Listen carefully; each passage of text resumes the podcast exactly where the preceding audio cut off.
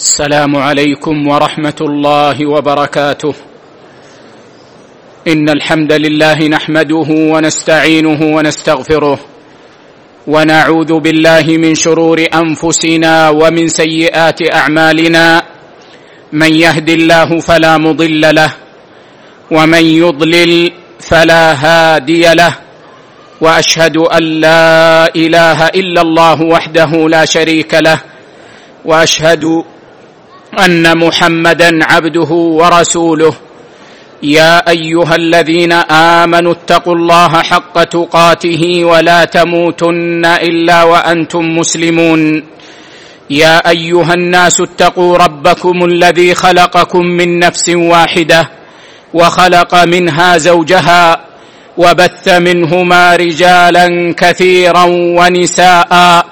واتقوا الله الذي تساءلون به والأرحام إن الله كان عليكم رقيبا. يا أيها الذين آمنوا اتقوا الله وقولوا قولا سديدا.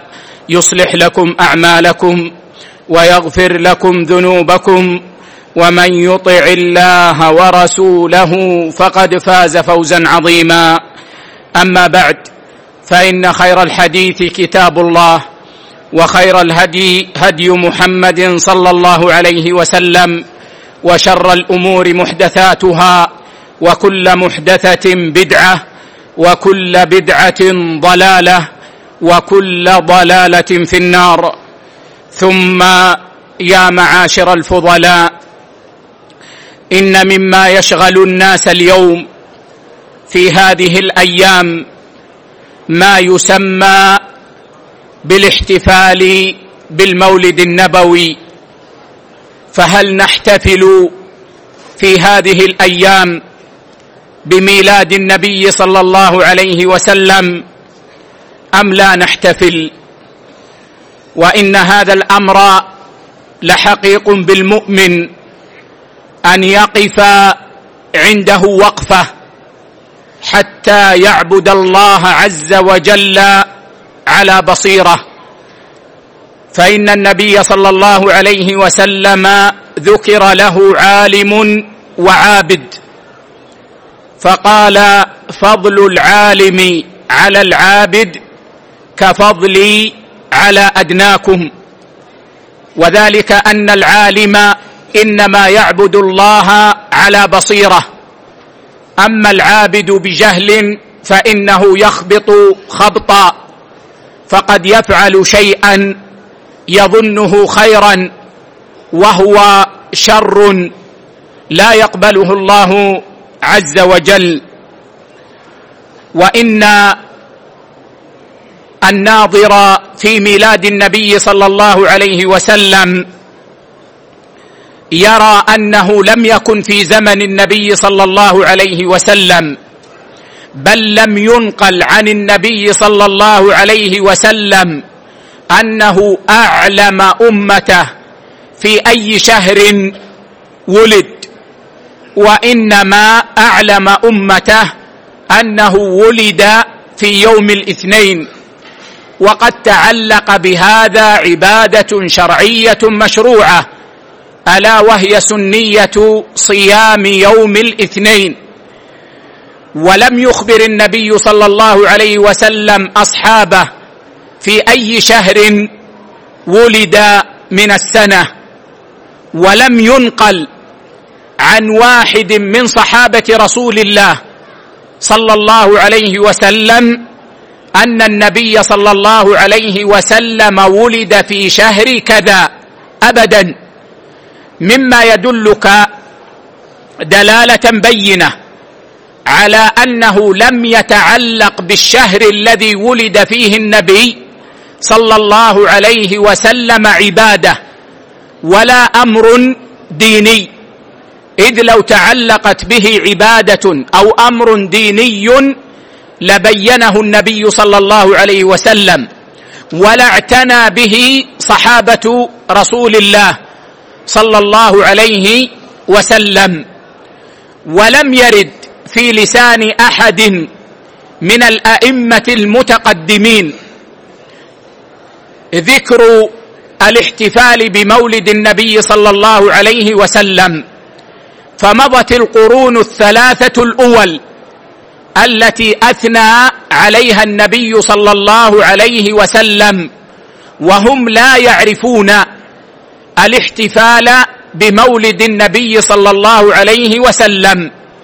وإنما أول ما ذكره المؤرخون للمولد من القائلين به ومن غيرهم أنه حدث في عهد الفاطميين وقد كان الفاطميون المبتدعة مكثرين من الموالد فأنشأوا هذا المولد.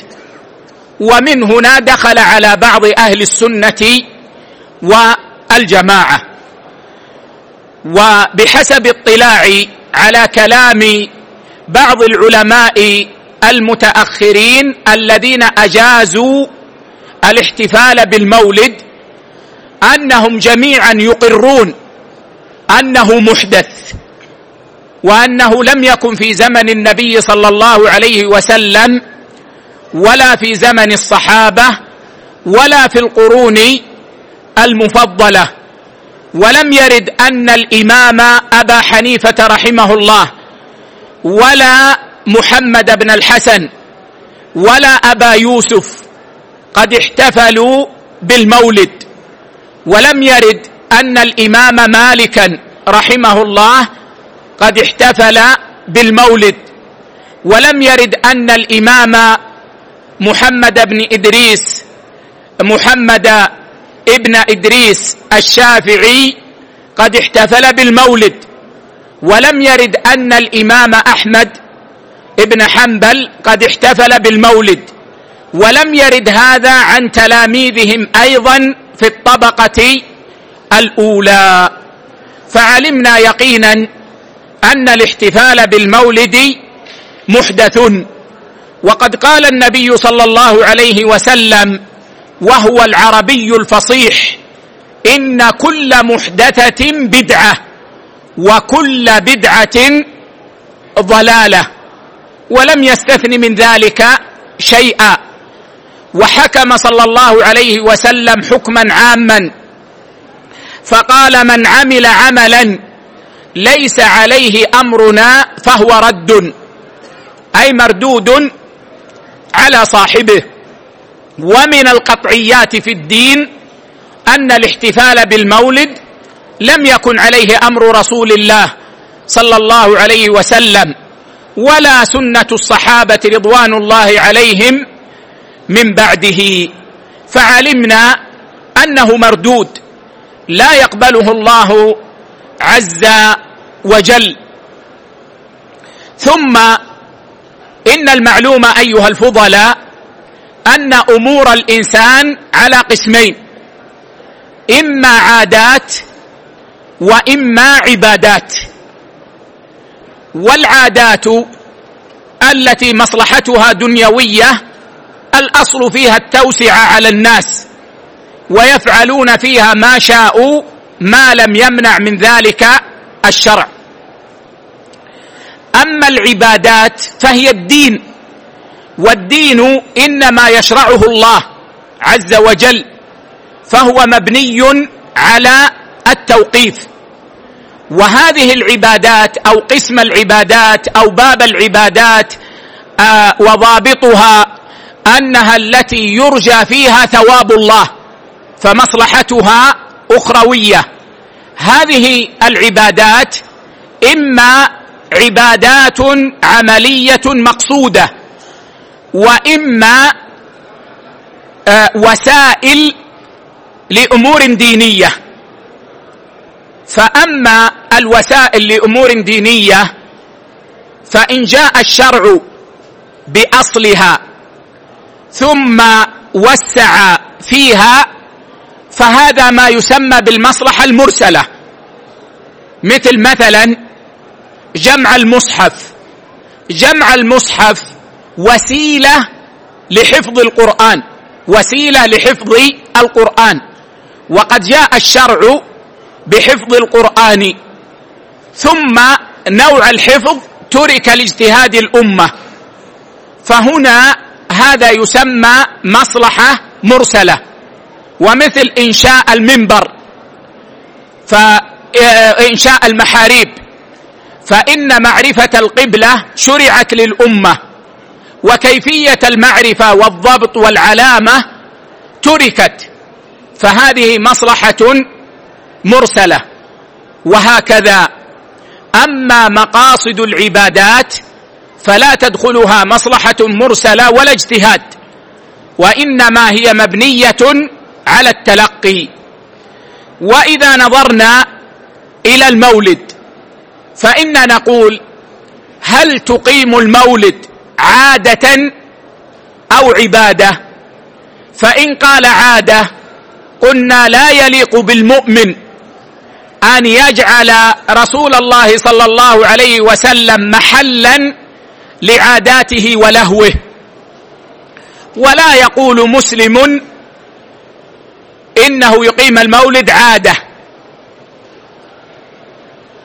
فيلزم أن يقول إنه عبادة. وهذه العبادة هي عمل مقصود يتقرب به إلى الله عز وجل. فنقول هل علم النبي صلى الله عليه وسلم بهذه العبادة أو لم يعلم بها؟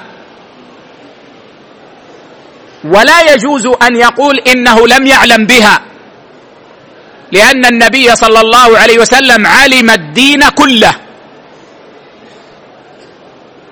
فإن قال إنه قد علم بها قلنا له هل بينها أو لم يبينها؟ فإن قال بينها قلنا له هات الدليل على أنه بينها. ولن يقول إنه لم يبينها أي أنه كتم. صلى الله عليه وسلم هذا الأمر. فيتحصل من هذا الذي لا بد منه في باب العبادة. أن المولد ليس عبادة يتقرب بها إلى الله عز وجل. فالنصيحة للمسلم أن يفعل ما فعل النبي صلى الله عليه وسلم وهو أن يصوم الاثنين من كل أسبوع اقتداء بالنبي صلى الله عليه وسلم. أما غير ذلك من الاحتفال ونحو ذلك فالواجب تركه. ثم إن هناك أمورا يفعلها الناس في المولد هي من المنكرات العظام التي يجب على المسلم أن يتركها مع تركه للمولد أصلا. لكن نحن أيضا ننبه على قبح ما يصنعه بعض الناس في المولد. ومن ذلك اختلاط الرجال والنساء. وغناء الرجال والنساء معا. وهذا منكر عظيم. ومن ذلك أيضا إحضار الآلات الموسيقية وما يسمى بالتغبير. ولا زال أهل الباطل يزيدون في باطلهم. حتى أصبحوا في هذا الزمان يأتون بفرقة موسيقية في المسجد تعزف بأنواع آلات الموسيقى. بزعمهم أنهم يحتفلون بمولد النبي صلى الله عليه وسلم. وهذا منكر عظيم ومحرم. ومن ذلك أيضا اعتقاد أن النبي صلى الله عليه وسلم يحضر الحضرة في يوم المولد وهذا منكر عظيم. لا يجوز اعتقاده فإن النبي صلى الله عليه وسلم ميت كما أخبر الله عز وجل عن ذلك صلى الله عليه وسلم وسيبعث من قبره صلى الله عليه وسلم. ومن ذلك أيضا ما يقال في المولد من غلو نهى عنه النبي صلى الله عليه وسلم وكذلك ترديد قصيدة البردة التي فيها الشرك في أنواع التوحيد الثلاثة. ففيه ففيها شرك في توحيد الربوبية وفيها شرك فيها شرك في الربوبية وفيها شرك في الألوهية وفيها شرك في الأسماء والصفات. فالواجب على المؤمن الناصح لنفسه المتمسك بدينه أن يتمسك بما كان عليه صحابة رسول الله صلى الله عليه وسلم. والخير كثير. فلماذا يدخل نفسه في أمر يتنازعه الناس؟ وأقل ما يمكن أن يقوله إن فيه شبهات. فكيف والأمر فيه جلي؟ فأسأل الله عز وجل أن يرينا جميعا الحق حقا ويرزقنا اتباعه وأن يرينا الباطل باطلا ويرزقنا اجتنابه وأن لا يجعله ملتبسا علينا فنضل.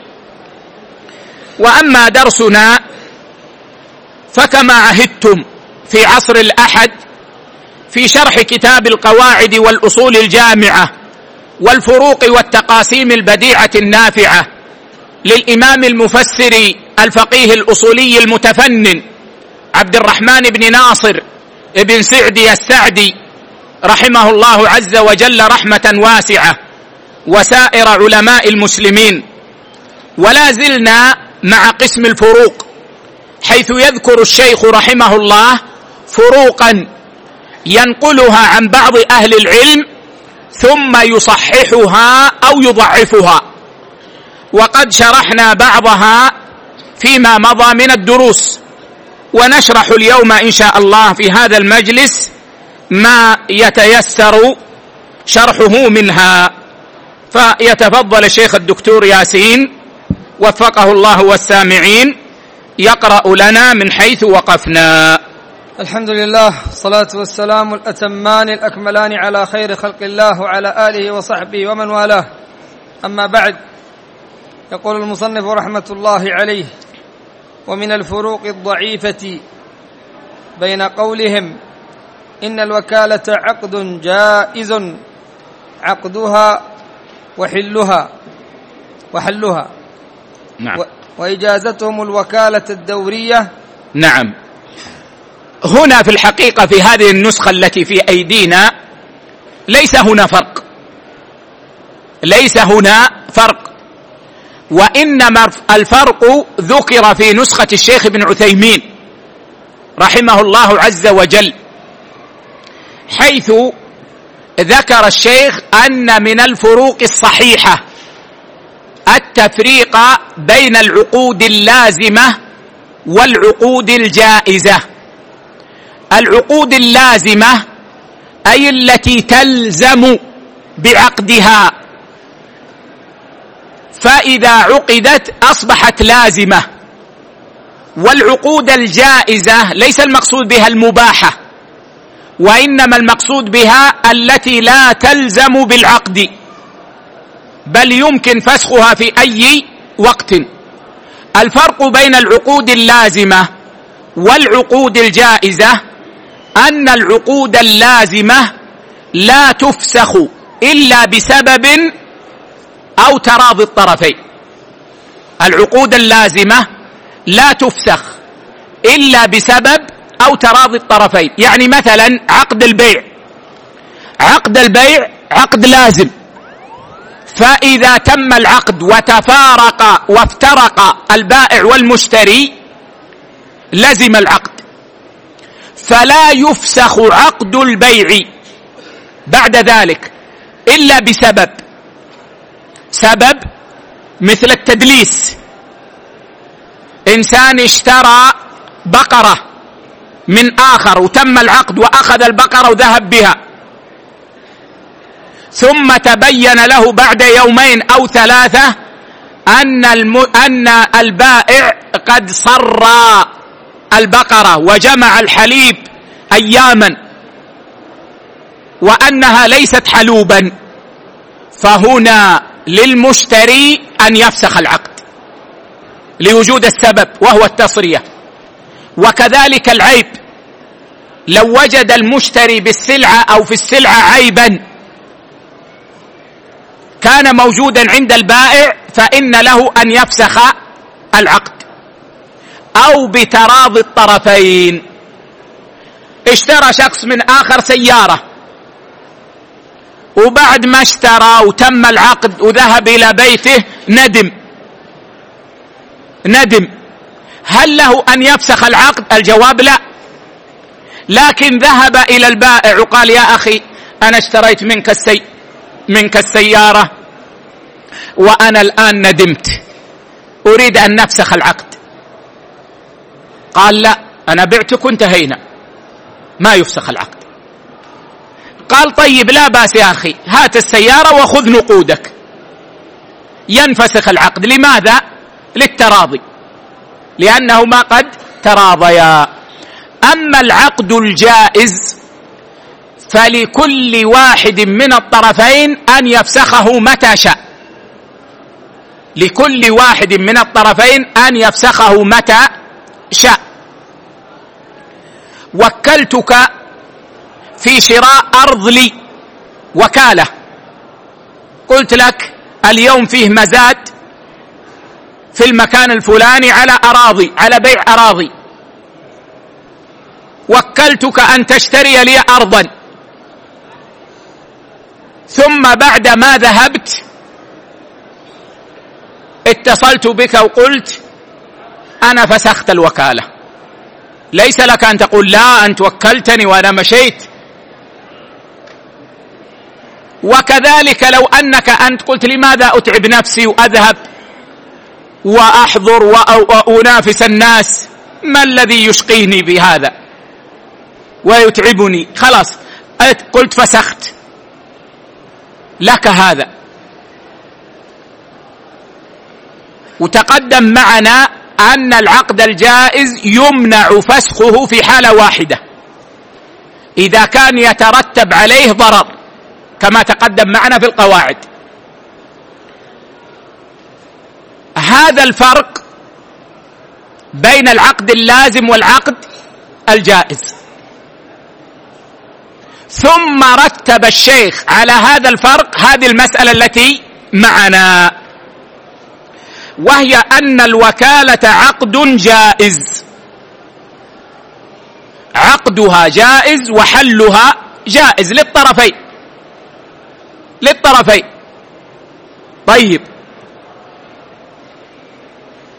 وأجاز الجمهور الوكالة الدورية.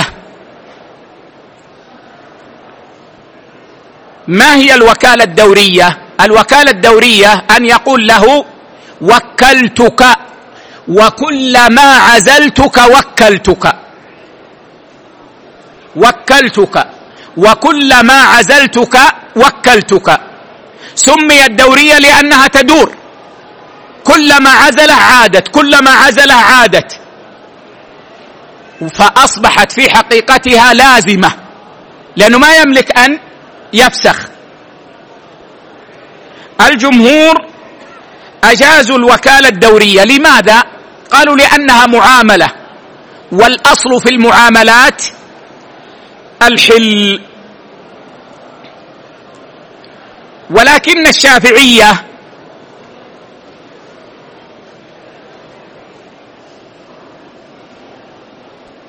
وشيخ الإسلام بن تيمية منعوا الوكالة الدورية. قالوا ما تصح الوكالة الدورية. أن يقول له كلما وك عزلتك وكلتك. يقولون ما تصح؟ لماذا؟ قالوا لأن هذا يخالف الصفة الشرعية. الصفة الشرعية للوكالة أنها جائزة. فإذا قال له كلما وكلتك كلما عزلتك وكلتك أصبحت لازمة. فهذا يخالف صفة الوكالة الشرعية فلا يجوز ولا يصح. الجمهور لما قالوا إن قول كلما وكلتك كلما عزلتك وكلتك رأوا أن في هذا حرجا. قالوا خلاص صارت لازمة له. لابد من حيلة. حتى يتخلص. ما هي الحيلة؟ قال بعضهم يوكل آخر بعزله. يوكل آخر بعزله حتى تنفك الوكالة. ما الحاجة إلى هذا؟ كونوا على الأصل الشرعي وهو أن الوكالة جائزة. عقد جائز. وامنعوا الوكالة الدورية. وأنه لا يترتب عليها شيء بل هي لغو لمخالفتها الصفة الشرعية للوكالة. وهذا هو الراجح. هذا هو الراجح. نعم. قال رحمه الله فإنها تنافي هذا الأمر العام. كما قلنا لأن الوكالة الدورية تجعل عقد الوكالة لازما. وهذا ينافي قولهم إن عقد الوكالة عقد جائز. نعم. قال رحمة الله عليه والصواب أن الدورة. الدورة الدورة. أن الدور في العقود والفسوخ لا يعتبر. الشيخ ابن سعدي رحمه الله يرى أن الدور في العقود كلها والفسوخ كلها لا يعتبر. في العقود مثل الوكالة الذي ذكرناه. في الفسوخ لو قال كلما تزوجتك طلقتك. رجل يقول لامرأة ما تزوجها. يقول كلما تزوجتك طلقتك. هذا دور في الفسخ لأن الطلاق فسخ لعقد النكاح. هنا اختلف العلماء. فذهب بعض العلماء إلى أن الطلاق يقع. فكلما تزوجها طلقت. فإذا كان قال لها كلما تزوجتك طلقتك ثلاثا إذا تزوجها بمجرد أن يتزوجها تطلق. ثلاثا. طيب تزوجها آخر ثم طلقها فرجع الأول وتزوجها قالوا تطلق. لأنه قال كلما تزوجتك طلقتك فهذا دور. وذهب بعض العلماء إلى أن هذا لغو. إلى أن هذا لغو وذلك لأمرين. الأمر الأول أنه تطليق قبل النكاح ولا طلاق قبل النكاح. كما ورد في بعض الأحاديث عند ابن ماجه وغيره. والوجه الثاني أنه عبث بالنكاح. وقد غلظ الشرع في شأن النكاح. فيكون لغوا. وهذا هو الراجح. هذا هو الراجح. أن هذا الكلام ساقط ولا يلتفت إليه ولا يرتب عليه حكم. نعم. قال رحمة الله عليه بل يعتبر العقد بذاته إن كان لازما فلازم أو جائزا فجائز. نعم العبرة بالصفة الشرعية فإن كان العقد شرعا لازما أو اقتضى الشرع لزومه في حال كما في حال الضرر أو اقتضى الشرع لزومه في حال كما في حال الضرر فإنه يكون لازما. وإن كان العقد في الشرع جائزا فهو جائز. نعم. قال رحمه الله وتدبير العقود والفسوخ إذهاب لروحها ومقاصدها. لروحها. إذهاب لروحها ومقاصدها. نعم. تدوير تدوير الفسوخ يجعل العقود لا شيء. كلما تزوجتك طلقتك. صار الزواج لا شيء كأنه غير موجود. فهذا نوع من العبث نعم. قال رحمه الله ومن الفروق الضعيفة قولهم إذا كان المدعي ليس إذا قال. ومن الفروق الضعيفة قولهم إذا قال المدعي ليس لي بينة وأحضرها لم تقبل لأنه مكذب لها. وإذا قال لا أعلم لي بينة ثم أحضرها قبلت لأنه لم يكذبها فإقامتها لا تنافي قوله. نعم عند الحنابلة والحنفية يفرقون.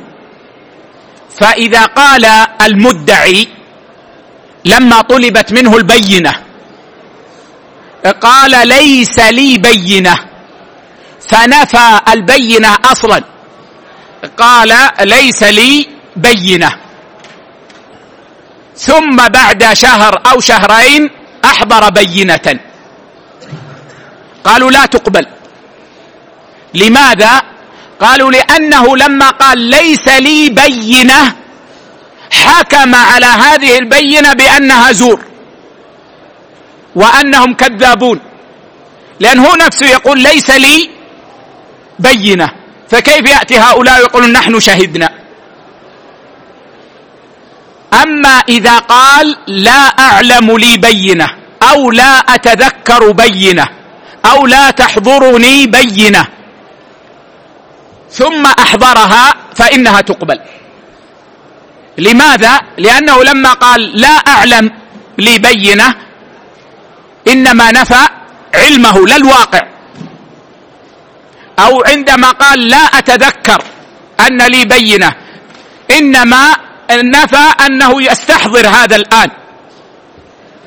فإذا تذكر بعد أو علم بعد فأحضرها فإنها تقبل. وذهب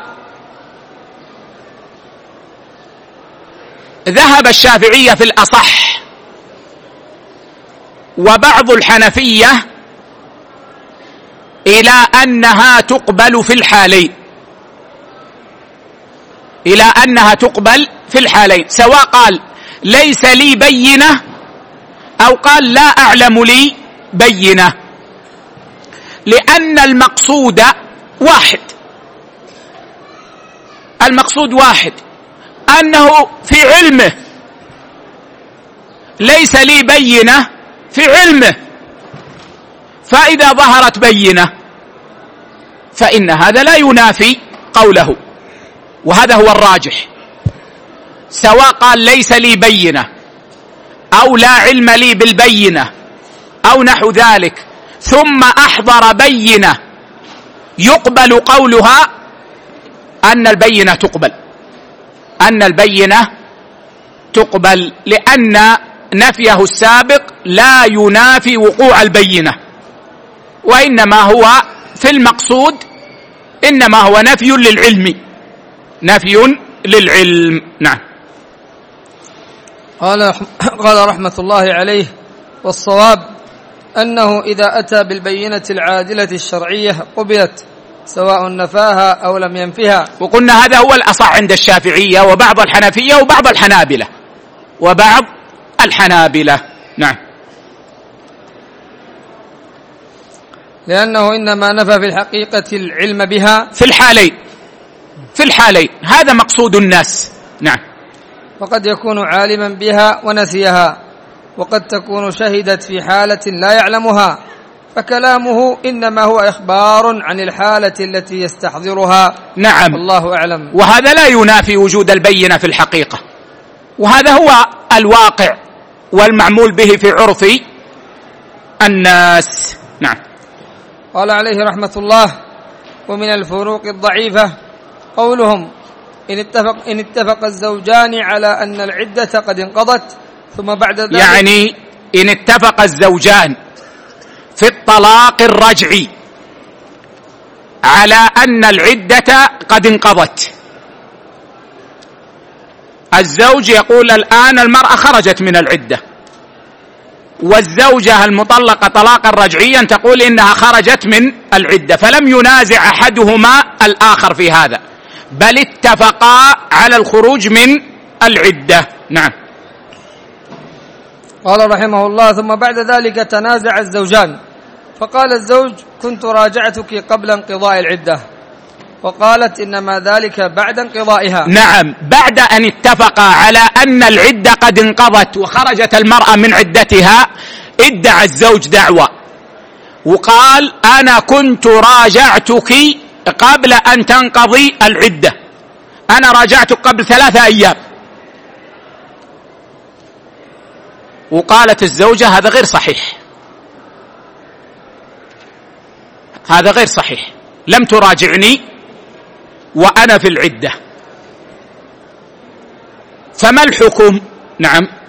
قال يرحمه الله وأنه إن سبق إن سبق بالكلام قدم قوله وإن سبقت هي قدم قولها. نعم قالوا إن سبقت بقولها انقضت العدة.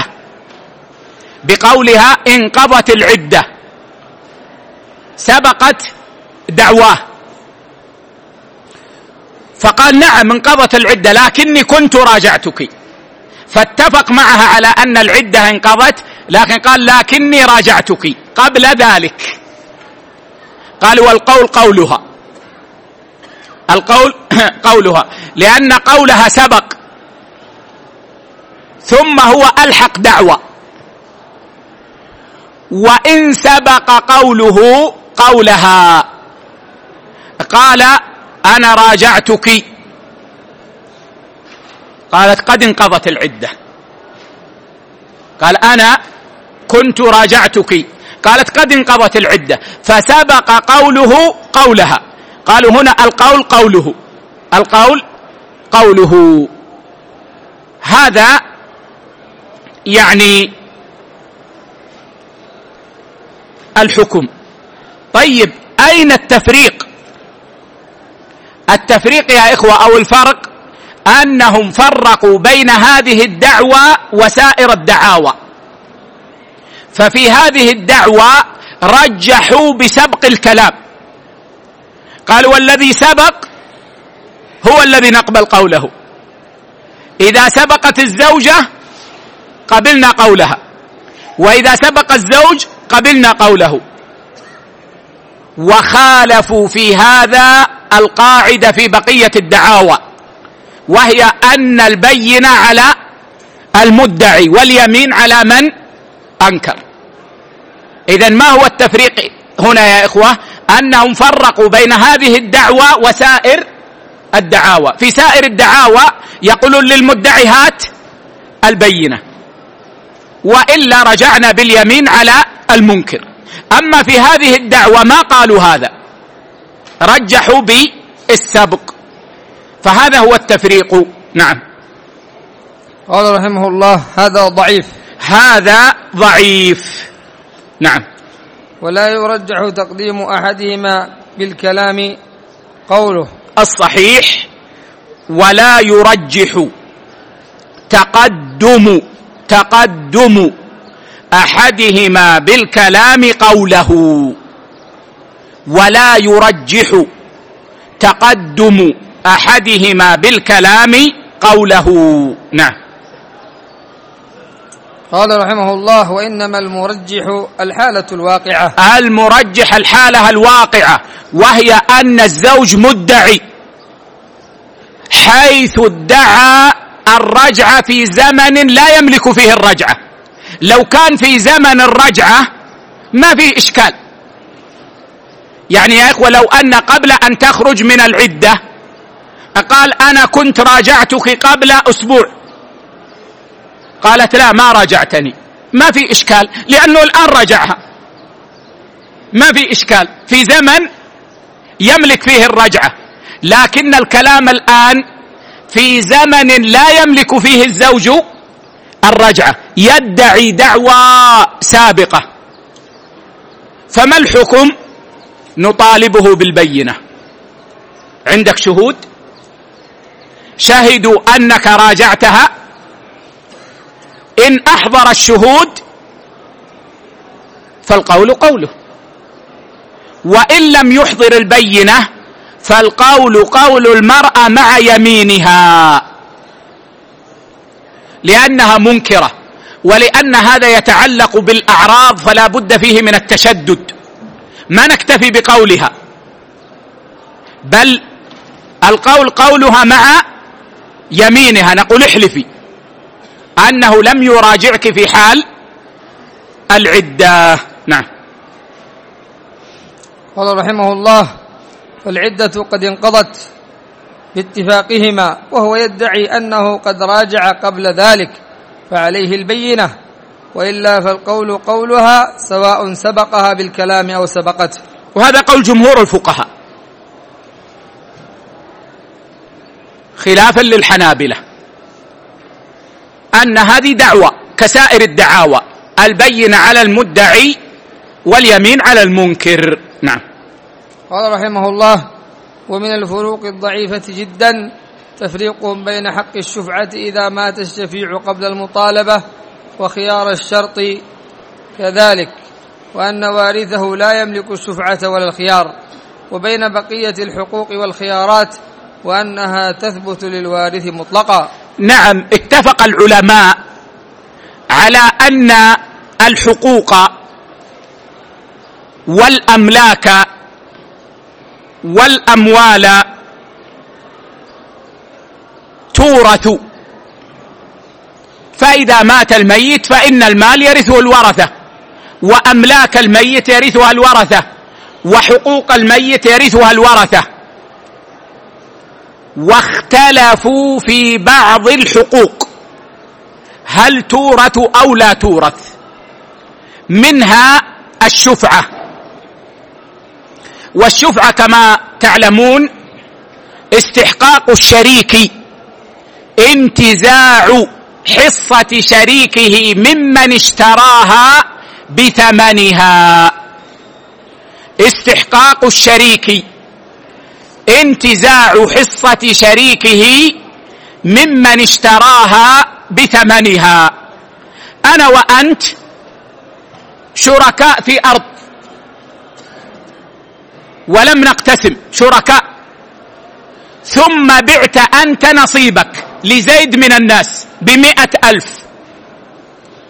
يحق لي أنا أن أنتزع هذه الحصة من المشتري بدون رضاه. أنتزعها منه بالثمن. أعطيها المئة ألف وأقول امشي. يقول لا أنا أريدها والله لو بمليون ما أبيعها. نقول هذه ما هو بيع هذه شفعة. أنا أحق بها منك. أنا أحق بها منك. هذه الشفعة. وهي حق. طيب. باع الشريك حصته. فمات شريكه قبل أن يطالب بالشفعة.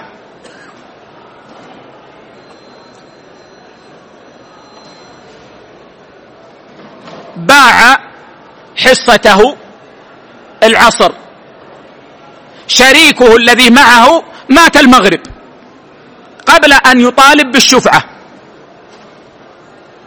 قال الحنفية والحنابلة لا يرث الورثة الشفعة وليس لهم حق في الشفعة. خلاص ثبت البيع. لماذا؟ قالوا لأن الشفعة حق يثبت بالطلب. هذا تعليل الحنابلة. تعليل الحنابلة قالوا لأن الشفعة حق يثبت بالطلب. وصاحبه لم يطلبه. يقولون لو أن الشريك لم يطلب الشفعة فالعقد صحيح ولازم وانتهينا فالشفعة إنما تثبت بالطلب. طيب هذا الذي يملك الطلب لم يطلب فتسقط الشفعة. فلا تورث. وأما الحنفية فتعليلهم أن الشفعه حق للمالك لا بالملك. حق للمالك لا بالملك. والمالك عند البيع هو الميت قد مات. ولذلك ما أثر اختلاف التعليلين في المسألة؟ الحنابلة عندهم يا إخوة لو أن الشريك قد طالب الشفعه ومات. طلب الشفعه ومات. قيل له إن شريكك قد باع نصيبه بمائة ألف. قال لا أنا لي حق الشفعة أريد حقي. وقع له حادث ومات. بعد أن الطلب الحنابلة يقولون ينتقل الحق إلى الورثة. لأن الشفعة قد ثبتت بالطلب فتنتقل إلى الورثة. أما الأحناف فيقولون لا ما تورث حتى هذه. لماذا؟ لأنه حق متعلق بالمالك وقد فات. المالك مات خلاص. إذا خلاصة هذا أن الأحناف يقولون الشفعة لا تورث سواء طلبها صاحبها الأصلي أو لم يطلبها. أما الحنابلة فيقولون الشفعة لا تورث إذا لم يطلبها صاحبها الأصلي. أما إذا طلبها فإنها تورث. ومنها كذلك خيار الشرط وهو ما يشترطه العاقد لنفسه ليرى رأيه في العقد.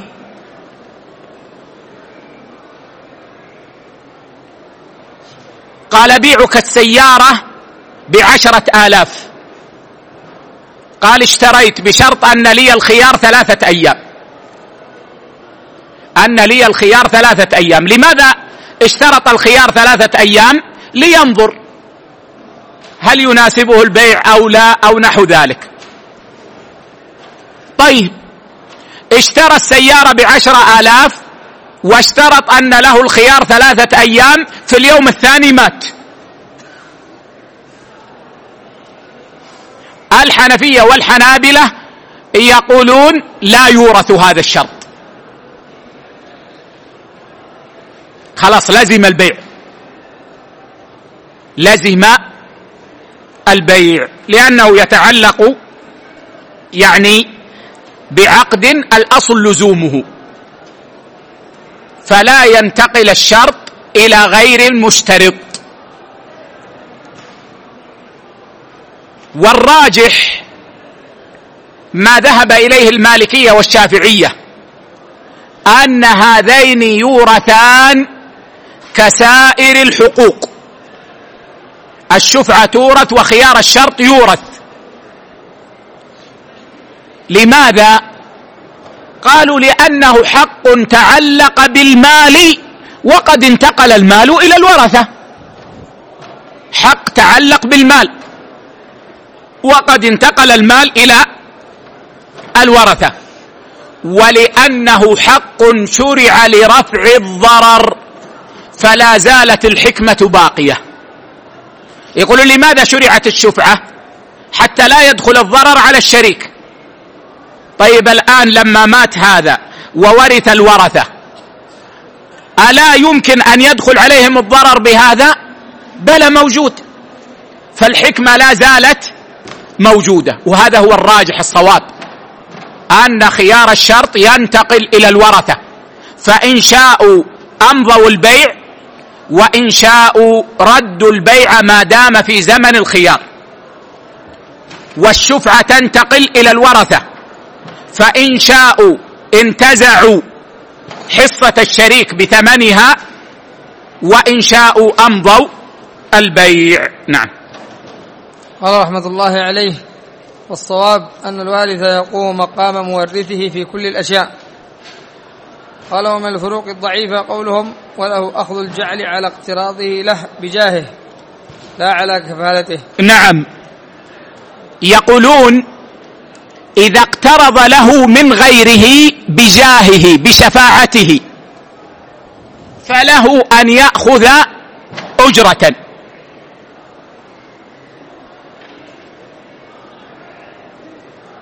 جئتني أنت وقلت يا شيخ أنا مطالب بالإيجار أريد أن أقترض من فلان وفلان ما يعرفني.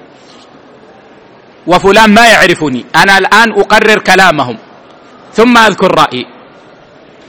فأريد أن تشفع لي عنده تذهب معي عنده لتشفع لي ليقرضني.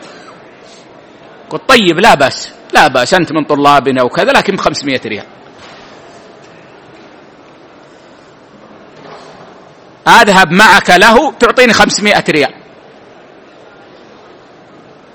قالوا يجوز. لأن الجهة منفكة.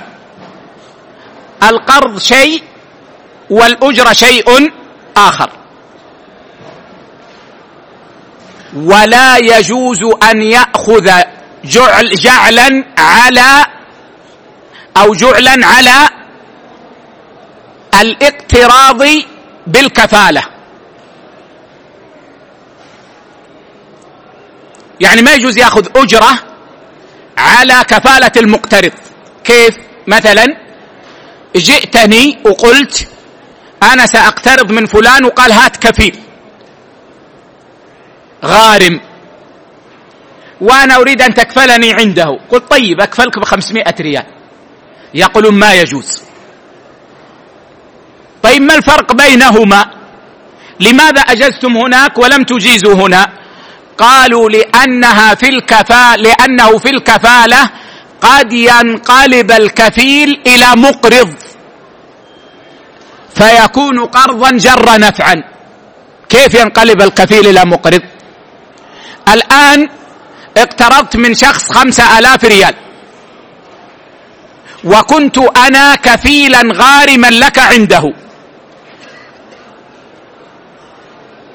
جاء وقت الأداء ما دفعت. ماذا سأفعل أنا؟ سأدفع الخمسة آلاف. فيصبح الأمر ماذا؟ تصبح الخمسة آلاف دينا لي عليك. فأكون أنا أقرضتك. وقد أخذت منك أجرة. فيكون إقراضي لك دينا جر نفعا. وكل قرض جر نفعا فهو ربا. واضح الآن الفرق؟ يعني في الجاه ما ينقلب إلى كونه مقرضا. أما في الكفالة فإنه يمكن أن ينقلب إلى كونه مقرضا. إذا لم يستطع الأصيل أن يدفع الدين.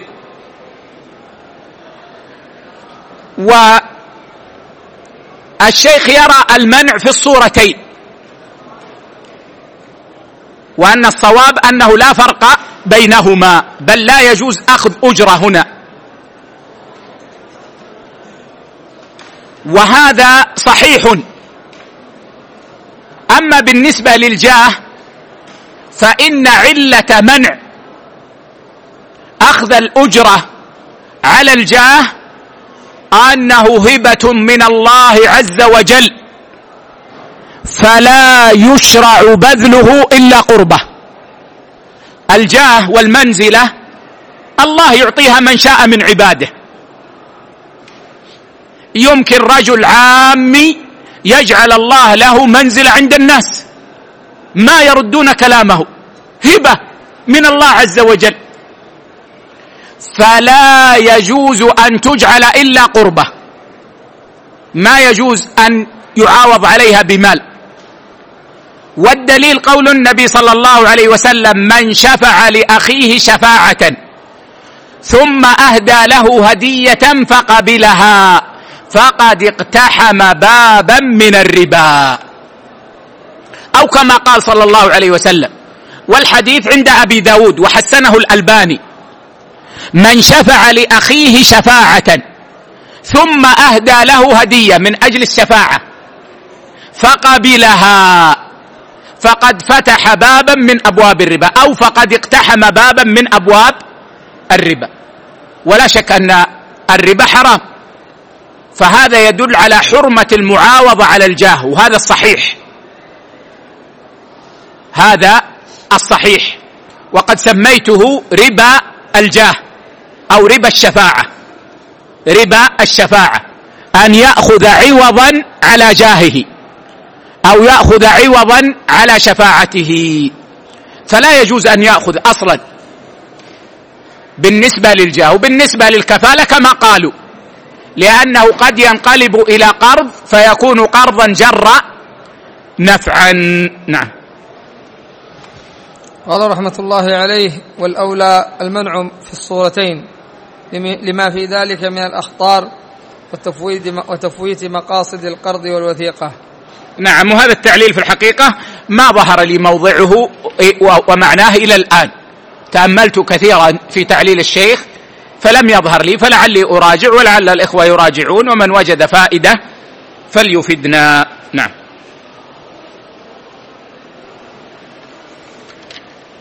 قال رحمة الله عليه ومن الفروق الضعيفة تفريقهم بين عارية الأرض للزرع وعاريتها للدفن. أو السفن للحمل أن له الأجرة منذ رجع في الزرع. نعم. يقول الحنابلة إذا أعاره ارضا لدفن ميته فإنه ليس له أن يرجع حتى يبلى الميت. إذا أعاره ارضا لدفن ميته عنده أرض كما يقولون مدافن العائلة يدفن فيها من يموت من العائلة فجاءه جار وقال يعني إن أبي مات وما عندي مكان والمدافن غالية علي قال خلاص أعيرك قبرا أو أرضا من مقبرتنا تدفن فيه هذا جائز يقول الحنابلة ليس له أن يرجع حتى يبلى الميت. لما في الرجوع من ضرر عظيم. فتكون العارية من بدايتها أو العارية من بدايتها واحدة إلى أن يبلى الميت. وإن أعاره سفينة ليحمل عليها. قالوا ليس له أن يرجع ما دامت في البحر. ليس له أن يرجع ما دامت في البحر.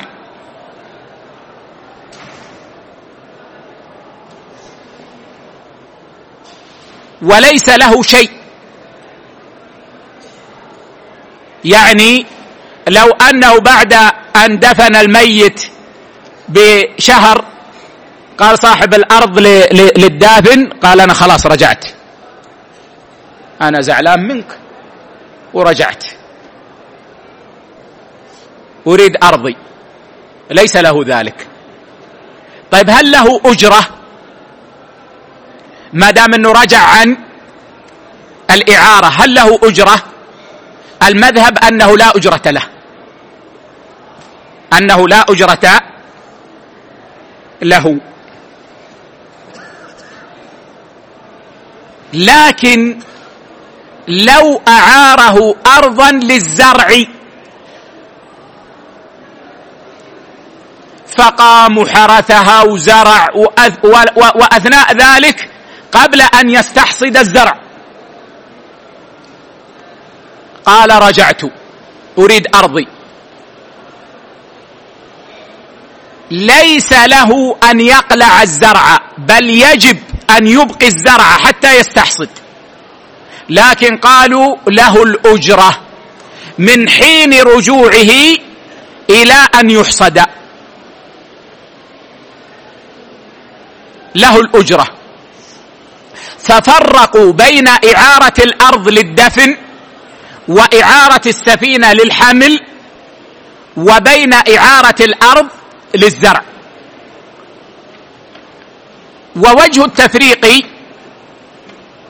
أن الرجوع في مسألة الدفن ومسألة السفينة وهي في البحر فيه إضرار عظيم لا يمكن تحمله. ولذلك ليس له أن يرجع. أما في مسألة الزرع فالضرر أيسر. ويمكن تحصيل المصلحة بالتأجير.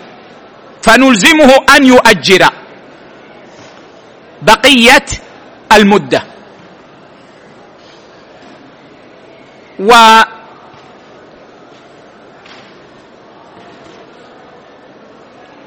قيل لا أجرة له في الكل عند الحنابلة. هناك قول عند الحنابلة غير المذهب. قول لا أجرة له في الكل. ما دام أعاره الأرض للزراعة فهو يعلم أن الزرع إذا زرع يبقى إلى أن يستحصد. فليس له أجرة مثل ما لو أعاره الأرض ليدفن فيها. وقال بعضهم تجب الأجرة في الجميع. تجب الأجرة في الجميع. قول عند الحنابلة آخر أنه تجب الأجرة في الجميع. لأنه حقه لأنه حقه وقد رجع في الإعارة. والراجح أنه لا أجرة في الجميع. لأنه أعاره وهو يعلم. فليس له أن يرجع قبل تمام الغرض من الإعارة. أعاره وهو يعلم. فليس له أن يرجع قبل تمام الغرض من الإعارة. نعم.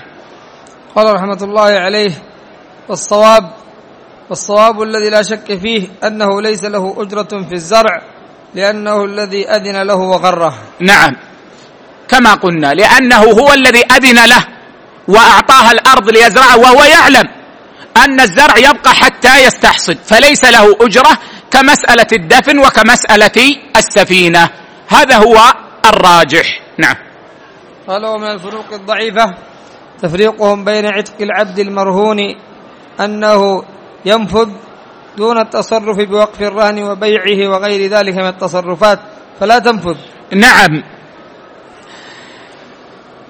لو أن شخصا رهن عبدا رهن عبد اقترض مئة ألف أو اشترى سيارة بمئة ألف بثمن مؤجل ورهن العبد عند المقرض أو عند البائع. ثم أعتق العبد. وهو لا زال مرهونا. عند الحنفية والحنابلة يعتق العبد. وتلزم المعتق قيمة العبد لتكون رهنا بدله يعني أقربه مئة ألف. وقال لابد أن تأتيني برهن. قال هذا العبد. قال هاتوا. نأخذه رهنا. بعد يومين قال عبدي المرهون عند فلان حر. قالوا يعتق العبد. خلاص صار حرا. وما دام صار حرا فلن يكون رهنا. الحر لا يرهن. طيب ماذا نفعل هنا؟ قالوا يلزم المعتق قيمة العبد ليجعلها رهنا مكان العبد. نقوم العبد هذا بكم؟ ونقول هات المبلغ. ونعطيه لمن استحق الرهن. ليكون رهنا. وقيل لا ينفذ. وهذه رواية عن الإمام أحمد والشافعي في قول ما يقع العتق. طيب لماذا قال الأولون يقع؟ قالوا يقع لأن العتق يقع ولو كان هزلا. هزله جد. فالعتق ما دام خرج من من المالك فإنه واقع. والذين قالوا لا ينفذ ولا يعت ولا يعتق العبد وكما قلنا هو الإمام أحمد في رواية والشافعي في قول قالوا لتعلق الحق به فليس له أن يتصرف فيه. وقيل لا ينفذ عتق المعسر وينفذ عتق الموسر. قالوا إذا كان المعتق موسرا غنيا فإن العتق يقع. وإذا كان المعتق فقيرا ما عنده شيء فإن العتق لا يقع. وهذا قول الإمام مالك. والشافعي في قول وأحمد في رواية. طيب. لماذا فرقتم بين المعسر والموسر؟ قالوا والموسر نستطيع أن نأخذ منه بدلا. اعتقه لا باس. نأخذ منه بدلا ونلزمه بالبدل. فلا يتضرر المرتهن. أما المعسر ماذا نفعل به؟ ما عنده شيء. ولذلك لا ينفذ عتقه. والراجح والله أعلم أنه يكون عتقا معلقا. يكون عتقا معلقا. ما معنى هذا؟ يكون كأنه قال له أنت حر إن رجعت إلي. أنت حر إن رجعت إلي. فطالما أن الرهن قائم فإنه ليس حرا. هو لا زال عبدا. فإذا احتيج إلى بيعه جاز بيعه. أما إذا انقضى الرهن ووفى ما عليه فماذا سيكون العبد؟ سيرجع إليه. إذا رجع إليه ماذا نقول؟ أصبح العبد حرا. أصبح العبد حرا. إذ أن في هذا الجمع بين مقاصد الشريعة. مقصود الشارع من العتق ومقصود الشارع من حفظ الحق. فيتحقق الأمران. هذا أقوى ما يقال في هذه المسألة. إذا نعود إلى الفرق. قالوا إن العبد المرهون ينفذ عتقه. طبعا يعني هم قالوا إنه ما يجوز أن يعتقه. لكن لو اعتقه صح العتق. يقولون ما يجوز أن يعتقه لأن اعتاقه اعتداء. ما يجوز. لكن إن اعتقه صح العتق. دون التصرف في الرهن بوقف. يقولون لو رهنت عندي بيتا ليس لك أن توقفه. وليس لك أن تهبه. لتعلق حقي به. ففرقوا بين عتق العبد وبين التصرف في الرهن سائر التصرفات. إذ منعوا منها وصححوا عتق العبد. نعم. قال رحمه الله والصواب عدم نفوذ العتق مطلق مطلقا حتى يأذن المرتهن. نعم. فأخذ برأي الإمام الشافعي في قول وأحمد في رواية. أنه لا ينفذ العتق مطلقا. إلا إذا أذن المرتهن. لأنه إذ ذاك يكون أسقط حقه في الرهن. وهذا حق له. فإذا أسقطه لا إشكال. لكن الذي يظهر لي والله أعلم أنه الصواب في المسألة أنه عتق معلق. فيكون معناه إن رجعت إلي فأنت حر. فيبقى عبدا ما بقي الرهن. ويباع إن احتيج إلى بيعه. فإن رجع إلى سيده فإنه يكون حرا إذ ذاك. نعم. قال رحمة الله عليه لما في ذلك من إبطال حق المسلم. الذي هو المرتهن. نعم. ولأن العتق قربة فلا يتقرب إلى الله بفعل محرم. نعم لأنهم هم قالوا لا يجوز ويصح. ما دام لا يجوز فهو حرام. طيب العتق قربة. فكيف يتقرب إلى الله بحرام؟ كيف يتقرب إلى الله بحرام؟ لكن هذا قد يكون فيه نظر. أعني التعليل الثاني. لا سيما على القول بأن النذر حرام. النذر حرام. على قول. والوفاء به واجب. فهنا تقرب إلى الله عز وجل بالوفاء بشيء كان الدخول فيه حراما. على هذا القول. ولكن التعليل الأول هو القوي. لما في ذلك من إبطال حق المسلم. فإذا أمكننا أن نجمع بين مقصودي الشارع. في العتق وحفظ حق المسلم كان الأولى وهو الذي اخترناه. أنه يكون عتقا يعني معلقا. ولعلنا نقف هنا ونكمل إن شاء الله في الدرس القادم في يوم الأحد القادم إن شاء الله عز وجل. ولعلكم تلحظون معاشر الإخوة أن في ذكر الفروق الفقهية فوائد كثيرة.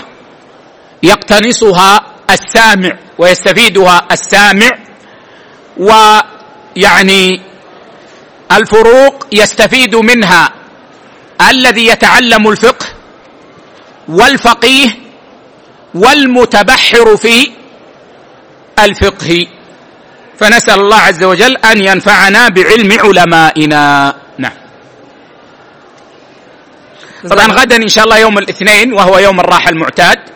يوم الثلاثاء إن شاء الله شرحنا في صحيح الترغيب والترهيب إن شاء الله. نعم.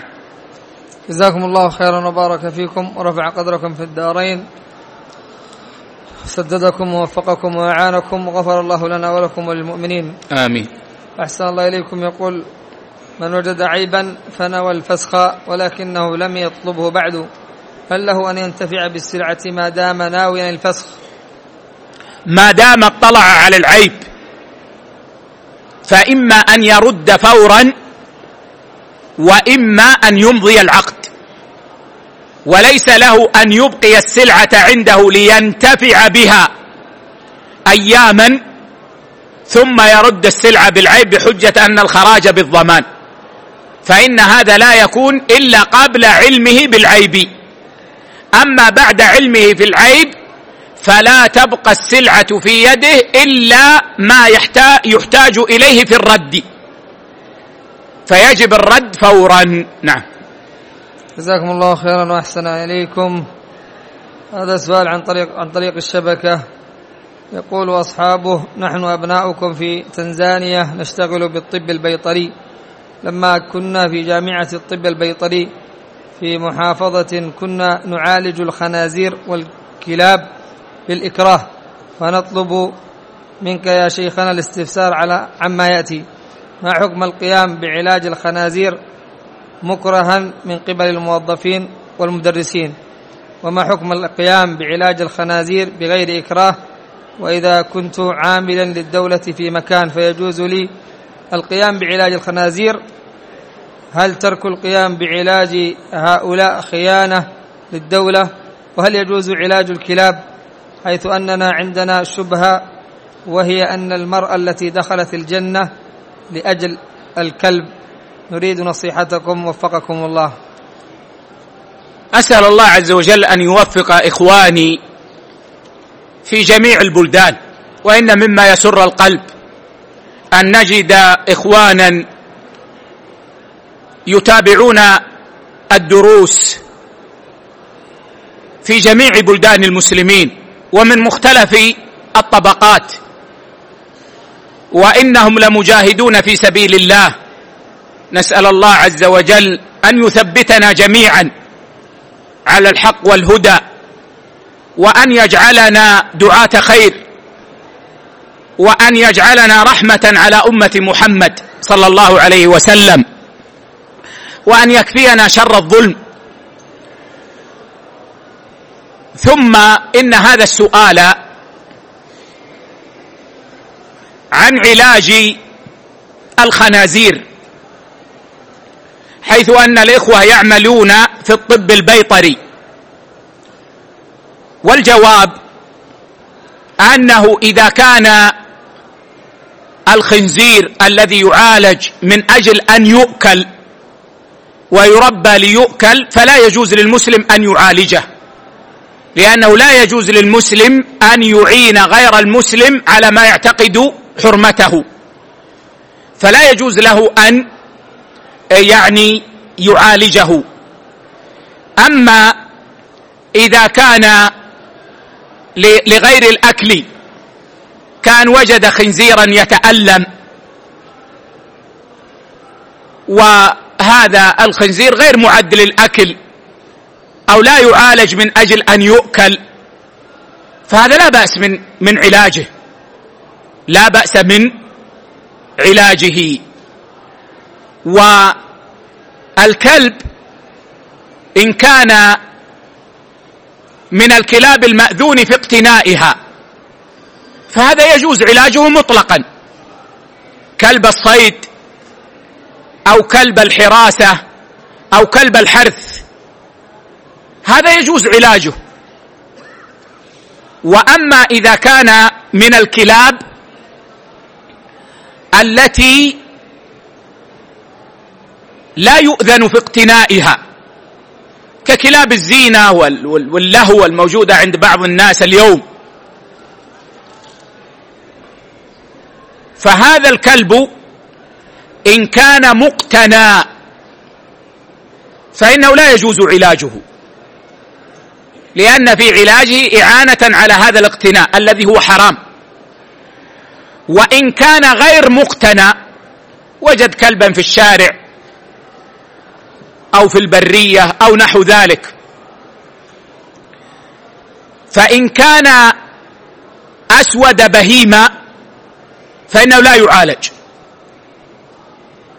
لأن المطلوب قتله. وقد اختلف العلماء هل نسخ هذا أو لم ينسخ. والأظهر والله أعلم بقاؤه. وإن لم يكن ذلك كذلك فلا حرج من علاجه بنية الإحسان إلى هذه الروح. وبهذا التفصيل تعرف إن شاء الله الحكم. نعم. جزاكم الله خيرا وأحسن إليكم. يقول كنت أعمل فيما مضى في عمل بعضه حلال وبعضه حرام وأنا الآن تبت من هذا وقدرت المكسب الحرام في مبلغ معين فماذا أفعل به؟ فماذا أفعل به؟ إذا كنت تعمل عملا فيه حلال وفيه حرام ولا تعلم بهذا بل كنت تظنه حلالا. ثم علمت فتركت. فالمال السابق لك. كله.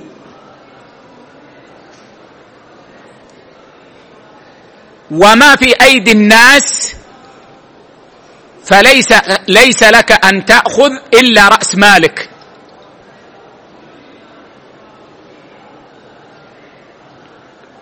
بالنسبة للحرام أما إذا كنت تعلم ولكنك كنت عاصيا تعلم هذا حلال وهذا حرام أنت على بصيرة. تبيع دخان وتبيع ماء. وتعرف أن بيع الدخان حرام وبيع الماء حلال. ولكنك تبيع. وعاصي بعلم. ثم تبت إلى الله. فإن أكثر العلماء يقولون يجب عليك أن تتخلص من المال الحرام. والمال الحلال لك. وذهب بعض أهل العلم وهو اختيار شيخ الإسلام ابن تيمية أنك إذا صدقت في توبتك فالمال السابق حلال لك. لكن لا تستوفي من أيدي الناس بعد التوبة.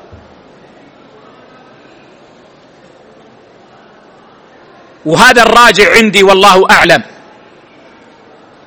شخص كان مطربا يغني وحصل ملايين.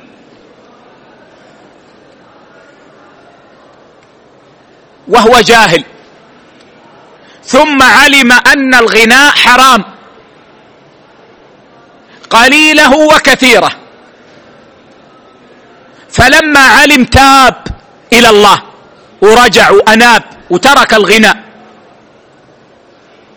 ماله السابق له ولا يطلب منه أن يتخلص منه. شخص يعلم أن الغناء حرام لكن اغراه المال.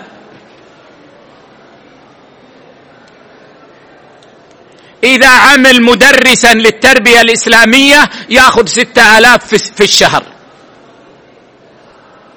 وإذا غنى أغنية يأخذ نصف مليون.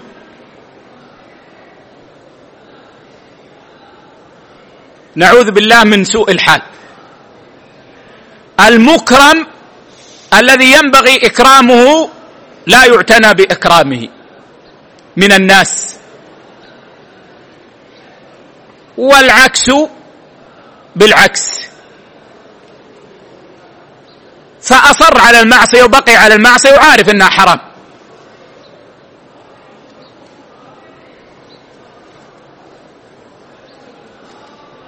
ثم فتح الله على قلبه فتاب. الراجح أن ما مضى له لكن لا يستوفي مالا جديدا. كان أقام حفلة غنائية قبل توبته وما أعطوه المال. ثم تاب ما يأخذ شيئا. أما الماضي فهو له. ووجه ترجيحي لهذا القول أن المستقر شرعا أن الإسلام يهدم ما كان قبله وأن الكافر يقبل على ما في يده. ما الحكمة؟ قال العلماء حتى يسلم. لأنه إذا علم أنه إذا أسلم يهدم الإسلام ما كان قبله ولا يطالب بأن يتخلص من ماله ولا شيء سيسلم. أما لو قيل له إذا أسلمت تلقي عنك جميع الأموال ونحو ذلك ما يسلم. فترغيبا له في الإسلام كان الحكم أن الإسلام يهدم ما كان قبله. وهذه الحكمة موجودة في التوبة. لأن الذي يعمل المعصية وقد اكتسب اموالا بنى بيته من هذه الأموال وتزوج من هذه الأموال واشترى سيارة من هذه الأموال. لو قلنا له إنك إن تبت يجب عليك أن تتخلص من كل ما اكتسبته. تخرج من بيتك تفارق امرأتك تتخلص من مالك. لن يتوب. فالحكمة في الترغيب في الخير موجودة هنا. فالراجح أن ما مضى حلال له. لكن لا يعني هذا أن يتعمد ثم يقول سأتوب. فإن هذا يعني ذنب بحد ذاته أن يجرؤ الإنسان على المعصية بحجة أن يتوب. ومثله كما قال ابن رجب كمن يحتسي السم رجاء أن يتناول الترياق. يأتي بي بي بي يؤتى بسم فيقال له هذا سم يقول طيب ما في بأس أنا أشرب السم ثم أشرب الدواء. هذا لا يقبل عقلا ولا شرعا. لكن ما مضى وتاب منه وكانت التوبة صادقة فإن الراجع عندي والله أعلم أنه لا يطالب بالتخلص من الأموال التي في يده ولكن يحث على أن يكثر من الصدقة والإحسان إلى الناس. طبعا هذا كله في الأموال التي تنتقل ولو بالحرام. أما المال الذي لا ينتقل فهذا لأهله. واحد حرامي لص. يسرق أموال الناس ويسرق أموال الناس ويسرق. المال يبقى للناس. تاب يرجع المال إلى الناس. وشرط توبته أن يعيد المال إلى الناس. واحد غصب أرض ثم بعد عشر سنين تاب. ويقول الشيخ يقول خلاص المال الذي في يدك لك لا هذا لا ينقل الملك ما ينقل المال. يجب أن ترد الأرض إلى أهلها. نعم. جزاكم الله خيرا وأحسن إليكم.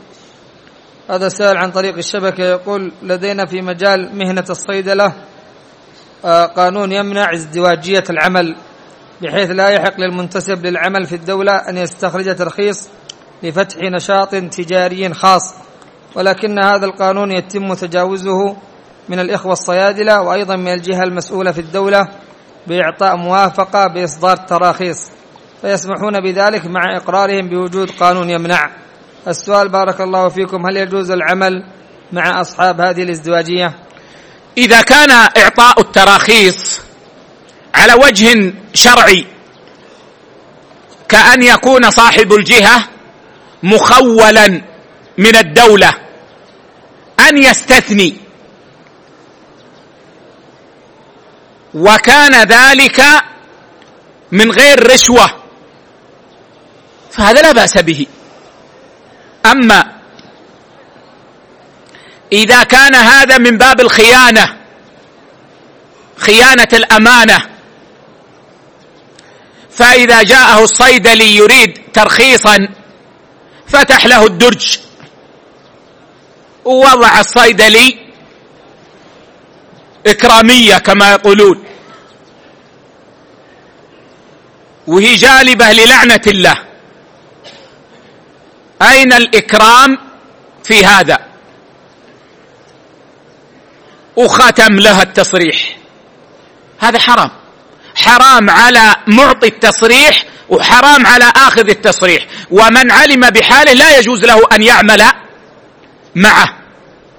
في هذا العمل الذي أخذ بطريق محرم. أخذ الإذن به بطريق محرم. ولعل في هذا كفاية والله أعلم. صلى الله على نبينا وسلم.